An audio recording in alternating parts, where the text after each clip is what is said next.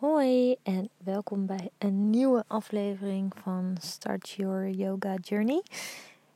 Ik ben Laura Louise van Studio Pilea en ik ben online yogadocent. En ik help jou om het uh, te starten van jouw yoga journey. En als je mijn vorige podcast hebt gehoord, dan uh, heb je al een beetje kennis met mij kunnen maken. Mocht je die nog niet geluisterd hebben, dan uh, kun je die natuurlijk nog luisteren. Um, ik lig weer heerlijk ontspannen in onze kleine mini-camper waar wij uh, in wonen.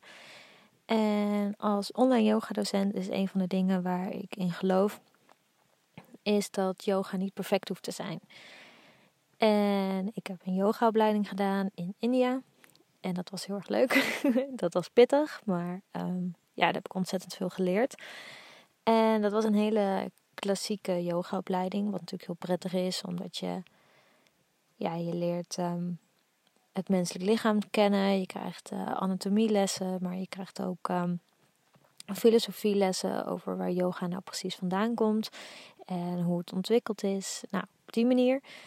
Maar um, ja, op een gegeven moment dacht ik wel bij mezelf, ja, maar elk lichaam is anders. En, en dat leer je daar ook zeker hoor. Ik bedoel, um, er zijn ouderwetse yoga vormen. Ik heb hatha yoga gestudeerd, maar er zijn ook oude yoga vormen die nou niet meer zo heel erg in trek zijn, omdat je dan um, in een bepaalde houding werd geduwd. Nou ja, dat is ondertussen wel bewezen dat dat dus niet meer werkt. Want uh, nou, bezig gaan kapot en uh, um, nou, nog meer uh, nare blessures.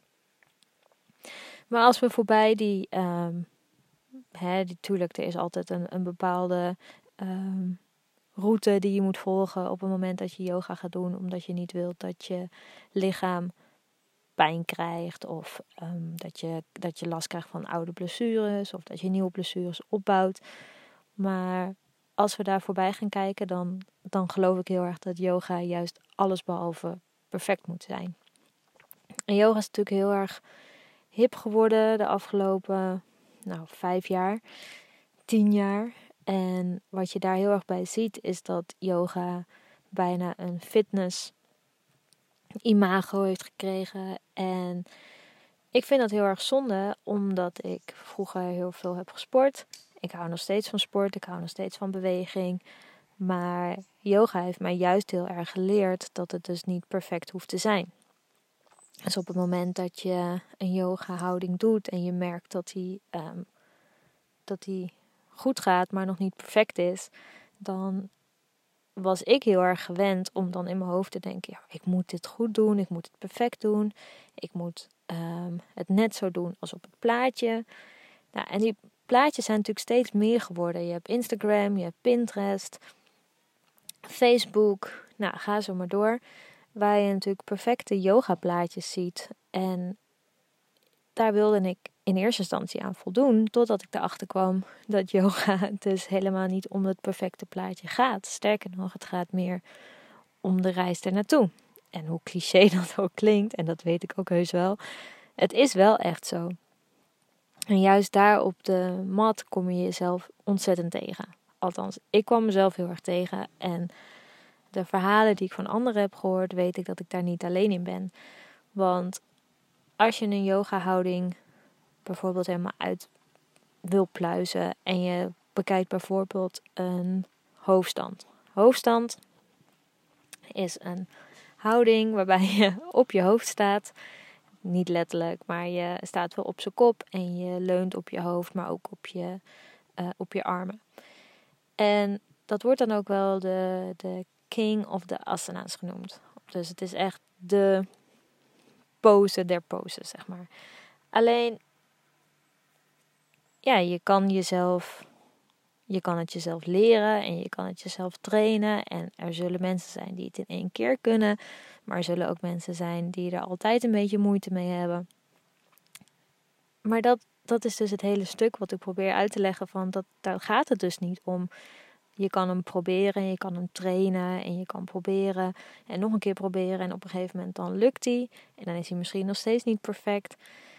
En als ik nu bijvoorbeeld van die perfecte plaatjes op Instagram zie, dan denk ik bij mezelf, nou, die heeft hier hard voor moeten oefenen, denk ik. Die heeft deze vaak moeten doen of niet. Hij, hij of zij kan hem meteen. Maar waar het hem vooral in zit, is dat elk lichaam anders is. Dus het is een bouwwerk en je iedereen heeft weer andere botten, pezen, maar ook zintuigen, spiermassa's en de afstand tussen de benen en de, en de voeten is weer anders dan de knieën en de dijbenen. En nou ja, ga zo maar door. En op het moment dat ik begreep dat mijn lichaam weer anders is dan die van iemand anders. En zeker als ik dan de plaatjes ging bekijken en dacht, ik wil dat ook. Als ik straks yogadocent ben, dan kan ik dat ook allemaal.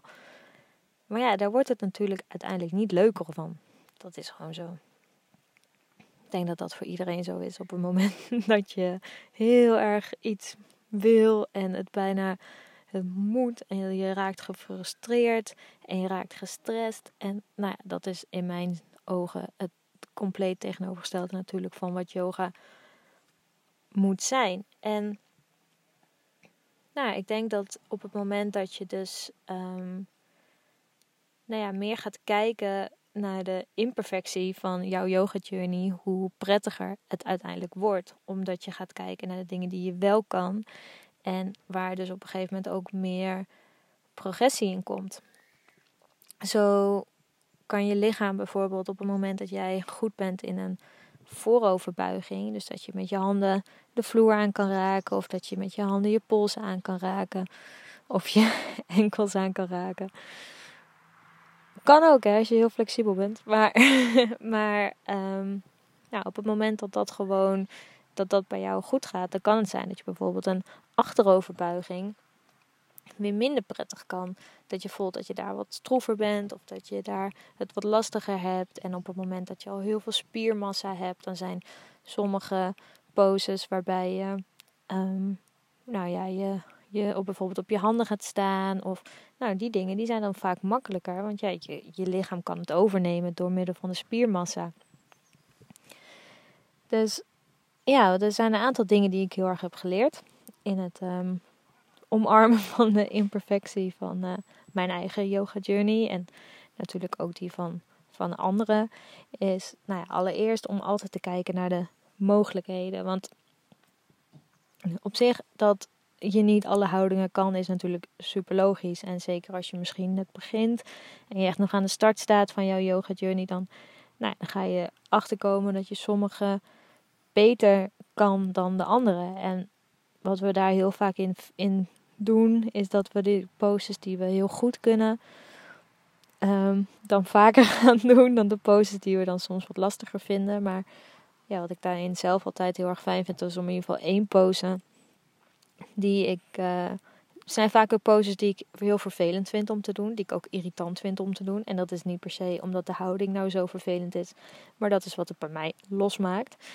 Um, en op het moment dat je dus nou ja, je, je de grenzen van je lichaam gaat opzoeken, dan zorgt het ervoor aan de ene kant dat je dus gaat trainen. En zo op den duur. En dat kan soms wel twee, drie jaar duren. Maar je wordt er uiteindelijk wel beter in. En het, je lichaam gaat er meer naar gedragen. En je gaat meer de benefits ervan ervaren. Um, maar daarin is wel belangrijk dat je dus blessures wel voorkomt. Natuurlijk. Dus wat je daarbij kan doen is de 80-20 uh, regel. Dus dat je echt maximaal uh, eh, 80% van je, van je kunnen doet. Nou, dan zeggen mensen altijd: Ik weet nooit hoeveel 80% is. Nou, je gaat 100% weten wat 100% is. Dat is namelijk waarbij je echt pijn gaat krijgen. Dus bijvoorbeeld.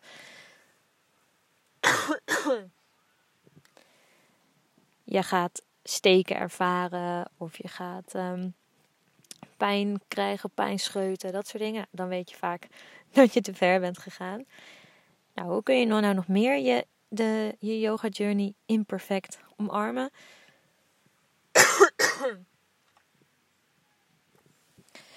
um, tweede punt is luisteren naar je lichaam. Zeker als je online yogales volgt, ben je geneigd om vaak bijvoorbeeld naar je beeldscherm te kijken en te zien of je het wel goed doet. Maar dat hoeft dus eigenlijk niet. Want op zeker moment als je al wat vaker yoga hebt gedaan. Of als je gewoon goed naar je lichaam kan luisteren. Dan is het goed om gewoon ja, te luisteren naar je lichaam. Klinkt natuurlijk heel makkelijk.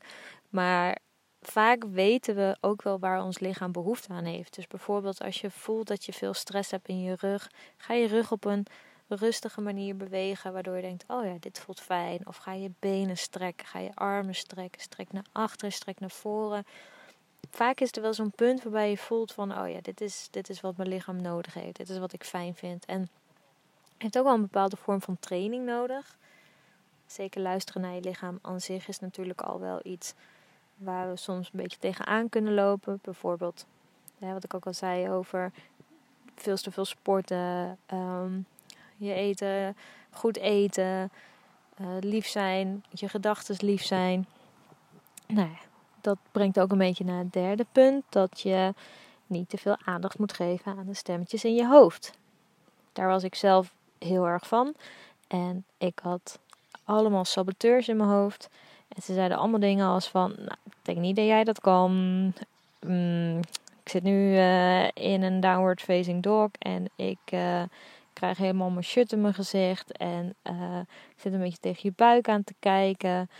En hoe lang denken we dat deze pose nog gaat duren? Want ik hou het niet meer langer vol. Nou, ik had allemaal saboteurs in mijn hoofd. En um, hoe minder ik van mezelf hield, hoe meer ik ze ook ging geloven. Dus dan had ik zeker nog niet door dat saboteurs waren. En nu probeer ik vaak, als ik, als ik merk dat ik nou, dat, dat de saboteurs weer een beetje op een voetstuk komen te staan, dan heb ik een soort van mantra in mijn hoofd waarbij ik zeg van ik hou van mijn lichaam. Ik neem de tijd die ik nodig heb. Ik ben nog aan het leren. We zijn altijd aan het leren. En wanneer ik zo wat liever tegen mijn lichaam ben en wat liever ben tegen mijn, tegen mijn gedachten, dan nou, worden die stemmetjes op den deur ook weer minder. En daardoor wordt het ook leuker om het natuurlijk te doen. En dat is denk ik ook wel iets waarvan ik heel erg weet van, nou ja, zeker die imperfectie. Je kunt het ervaren, je kunt het zien, maar je hoeft er niet altijd aan je eraan over te geven. Je hoeft niet altijd in zak en as te gaan zitten omdat een bepaalde houding je nu nog niet lukt. Ja, je weet niet hoe het in de toekomst is. Ehm, en dat is ook bijvoorbeeld als je een bepaalde houding doet en je merkt dat, je, dat het te veel wordt. Zeker als je um, yogales in een, in, een, in een klas hebt, dan kan je vaak in die pose willen blijven zitten. Want je denkt, ja, anders gaat de buurvrouw er wat van denken. Of anders zegt misschien de yogadocent wel, nou, wat doe jij nou? Ik zei dat nog niet dat je al kon gaan liggen. nou ja, dat is dus iets wat altijd mag. Als je voelt dat je de, over de 80% van je eigen kunnen gaat. Als je voelt dat, je, um, dat het te veel wordt, dat je heel erg moe wordt. Um, ja, dan kun je altijd in de kindhouding of savasana komen. Want deze houdingen die mogen altijd. Die kun je altijd in terugkomen. Want juist op het moment dat je ontspant, kun je straks weer meer doen. Kun je straks weer het makkelijker oppakken. In plaats van dat je over je grenzen heen gaat. En maar met je, op je tandvlees het einde van de yogales gaat halen. Dan, ja, dat slaat natuurlijk in principe nergens op. Want het gaat natuurlijk om juist om de ontspanning. En op het flexibel, flexibiliteit van je lichaam krijgen. Maar dat je meer rust krijgt. Dat je meer nou, dat het echt de ontspanning tot diep in je lichaam te voelen is. Dus pak die rust ook zeker. Zeker in het begin als je nog denkt van nou ja, het is me allemaal een beetje te veel. Omarm het. Het is niet perfect en daar is helemaal niks mis mee. Want dat is misschien nog wel het belangrijkste. En het laatste puntje, dat is geniet. Want yoga is echt alles behalve een wedstrijd. En op het moment dat ik dat begon in te zien, dat mijn eigen yoga journey anders is dan de yoga journey naast mij. Het is anders dan de yoga journey van mijn man, waar ik heel erg trots op ben, omdat hij nu heel veel behoefte heeft aan yoga en heel vaak zegt van, oh, ik ga ook even yoga doen. Ik ga even een momentje lekker aan het water, ga ik even wat oefeningen doen. Nou, dat ben ik natuurlijk hartstikke trots op. Maar mijn yoga journey is niet hetzelfde als die van hem. Dus houdingen die voor hem heel erg goed zijn om te doen, hoeven voor mij niet per se heel erg goed te zijn of welke voor hem heel erg makkelijk zijn, kunnen voor mij weer echt een crime zijn. Nou ja, door te ervaren dat het zeker geen, geen wedstrijd is en al helemaal geen moedje hoeft te zijn, ja, merk ik gewoon dat het veel ontspannender wordt. Je geniet er veel meer van. Ehm, ja, we zijn veel meer gefocust op de dingen die we wel kunnen in plaats van de dingen die je niet kan. En dat maakt het uiteindelijk dus gewoon veel leuker. En een leuk lichamelijk dingetje daarbij is, is dat als we als, het, als de yoga zwaarder wordt, als we voelen dat we veel van ons lichaam gaan, gaan, ehm, ja, gaan vragen, dan ontstaat er eigenlijk bijna bij iedereen wel een frons op zijn gezicht. En dat is niet, ja, dat doen we niet soms wel natuurlijk.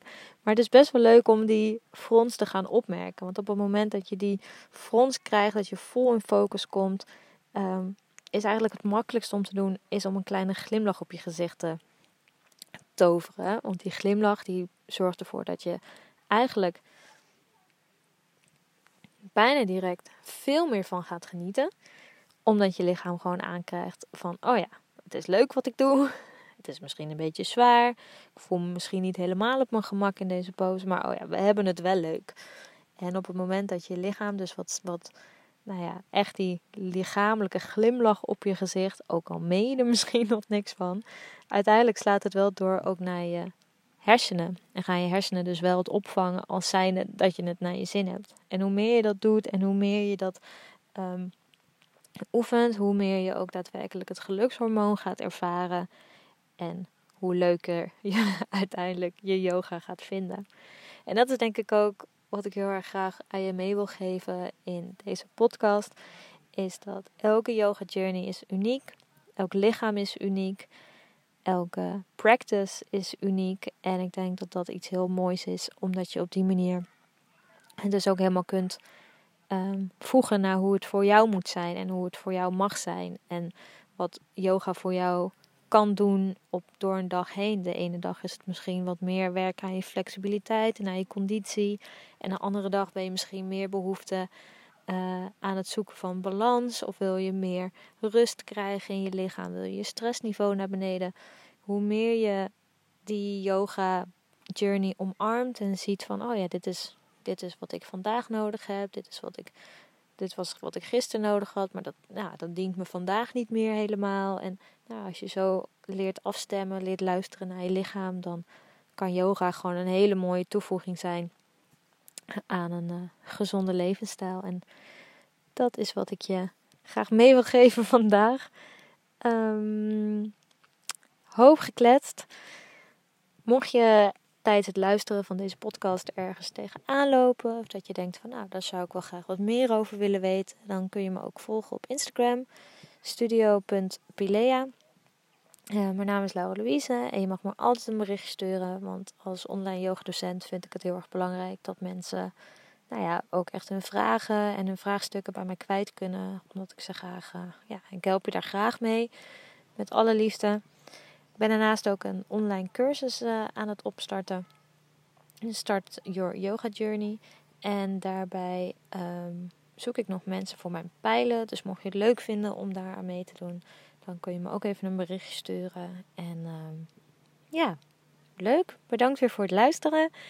En mocht je er nog wat over willen delen, ik hoor het graag.